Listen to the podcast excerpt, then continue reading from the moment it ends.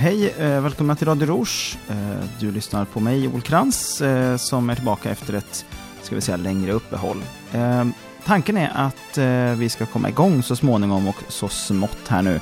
Både jag och Åsa, det är i alla fall vår tankegång. Och nu när inte sommaren har sitt grepp om oss längre så kanske vi inte är lika benägna att vilja vara ute, sola. Jag vet inte hur mycket Åsa solar. Jag solar en del. Den här sommaren har varit väldigt mycket i alla fall. Så vi får se, förhoppningsvis så kan vi få lite mer ordning och reda på torpet, om man nu ska kalla den här podcasten för ett torp. Risig är den i alla fall. Eh, här sitter jag med, eh, eller med, omgiven av en massa sladdar, kablar, elektrisk utrustning och dylikt och trivs och har det ganska bra. Idag tänkte jag att jag skulle prata lite kort bara om eh, någonting som har berört mig, ska man väl säga, under de senaste veckorna, månaderna. Nämligen hur vi människor utvecklas eh, över tid. Det här är lite extra intressant därför att eh, när man lär känna människor som är yngre än en själv. Jag har en flickvän som är åtta år yngre och jag har flera klasskompisar som är åtta till tio år yngre. Som jag pluggar ihop med. Och när man lär känna människor som är yngre än en själv så kan man ibland känna igen saker och ting som de andra människorna gör som man själv känner igen att det här har jag gjort. Men jag kom förbi eller kom, kommit vidare i mitt liv. Och då kan man tänka så här, det här, här skulle jag vilja hjälpa den här personen att liksom kunna ta sig förbi det här snabbare. Ehm, det är det ena. Eh, och det andra är väl kanske lite grann att jag har studerat och sett lite grann, studerat låter väldigt fancy på något sätt, men jag har ju ett barn då som, som nu precis idag faktiskt den 18 augusti börjar förskoleklassen. Och måndag och tisdag här den här veckan så var jag med Olivia i förskoleklassen. Det var en, en stund, en, och en halv timme sådär på, på förmiddagen, eftermiddagen, där eh, barnen satt i ring och sen så fick de rita och sådär lite grann. De fick prata lite med varandra. Och jag märker eh, två saker i det läget väldigt, väldigt mycket. Det ena, det är att eh, barn eh, är lite blyga och lite försynta av sig, vilket även gäller mitt barn naturligtvis. Men sen märkte jag att så fort mitt barn fick en fråga, inte bara en fråga ställd till henne utan en fråga till hela gruppen, då vill hon gärna svara. Och då menar inte jag att hon gärna vill svara, eh, liksom räcka upp handen och svara. Barn är inte så bra på att räcka upp handen som ni säkert vet. Nej, mitt barn, hon häver ur sig vad det är hon tänker sig, vad hon har funderat på där och då. Och det betyder helt enkelt att eh, hon, precis som flera andra barn, vilket jag lade märke till, har ett, eh, ett extremt inifrån perspektiv. Alltså man ser bara sig själv. Man tycker att det viktigaste man kan göra det är att räcka upp handen om man nu har lärt sig det eller annars prata rakt ut. För att berätta vad man själv har för uppfattning och åsikt i frågan. Och den här uppfattningen och åsikten i frågan, i alla fall vad gäller mitt barn, behöver inte innefatta att man faktiskt har en idé eller en tanke eller vill spinna vidare på någonting. Nej, det kan lika gärna bara vara en fråga om att det vore väldigt enkelt och lätt och bra att bara säga vad man tycker här. Alltså, jag har tänkt på det här, eller jag är jätteduktig på det här. Jag har, jag har skrivit jättelänge och jag är superduktig på att skriva. Så jag kan redan det.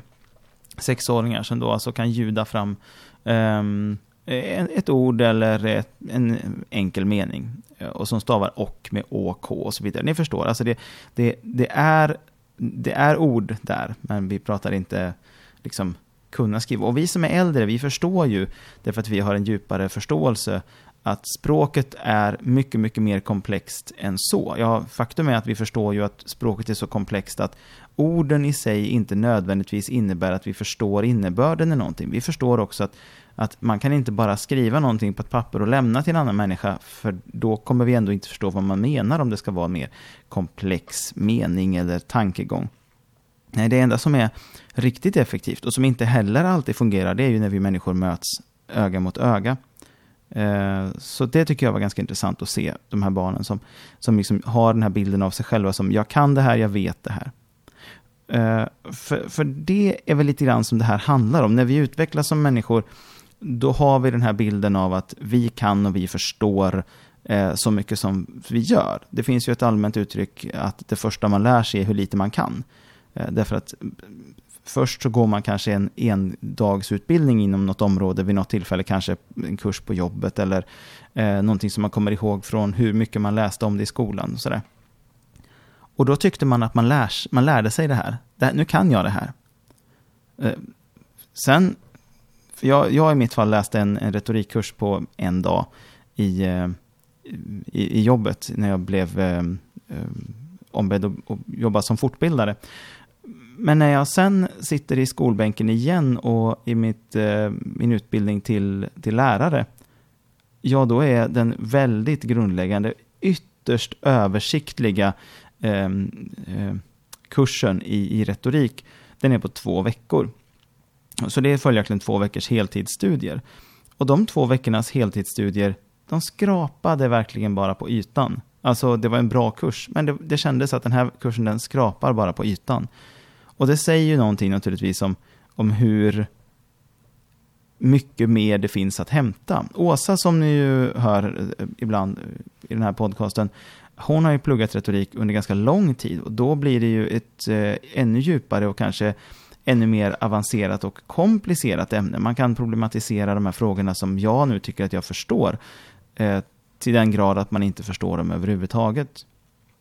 Ska vi dra riktiga tunga växlar på det här och, och, överdriva lite grann så kan man säga att det skulle ju inte gå att sätta ett barn och en eh, person som eh, arbetar på eller har utbildat sig vid en eh, högre utbildning, universitet till exempel, eh, tillsammans och försöka diskutera någonting, för det skulle inte funka. Men det, det funkar heller inte för den personen som har läst på gymnasiet men inte på universitetet. Det funkar inte ens för den person som har läst kanske lika mycket för ibland kan det också handla om vilken erfarenhet man har. Jag var en eh, ganska dålig elev i eh, gymnasiet. Jag hade förhållandevis lätt för mig så att betygen var ändå överkomliga. Jag, jag klarade mig i alla fall. Men, men jag var verkligen inte en elev som tog till mig så mycket. Jag försökte börja plugga ett par år, eller tre år vad det nu var, efter att jag slutade gymnasiet. Och det var otroligt svårt att få till det. Det var otroligt svårt att känna att jag förstod någonting. Och jag kände bara att jag har inte läshuvud. Jag vet inte vad det är. Jag blev lite, lite deppig och kände, oj, oj, oj, ska jag inte plugga? Är det här inte för mig?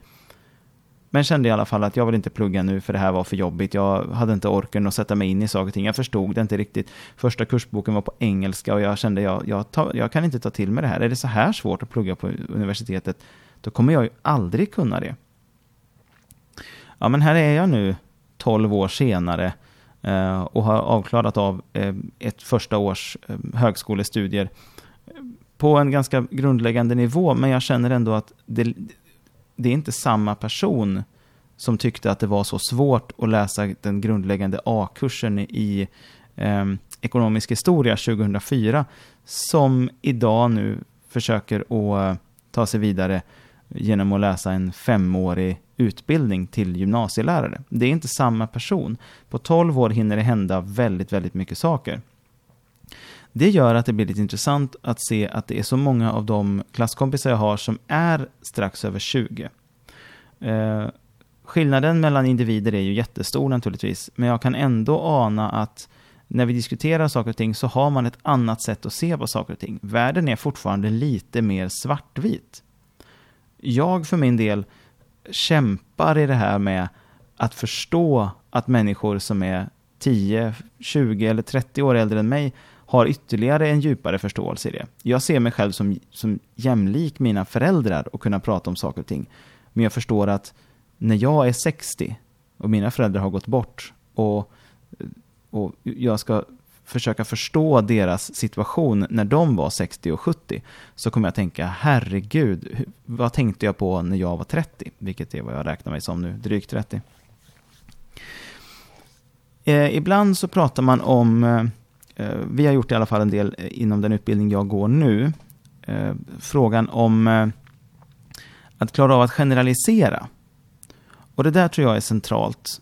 Eh, därför att tanken att kunna generalisera saker och ting det handlar om just det här att, att kunna eh, förstå samband och koppla ihop saker och ting för att få en eh, mer översiktlig bild av saker och ting.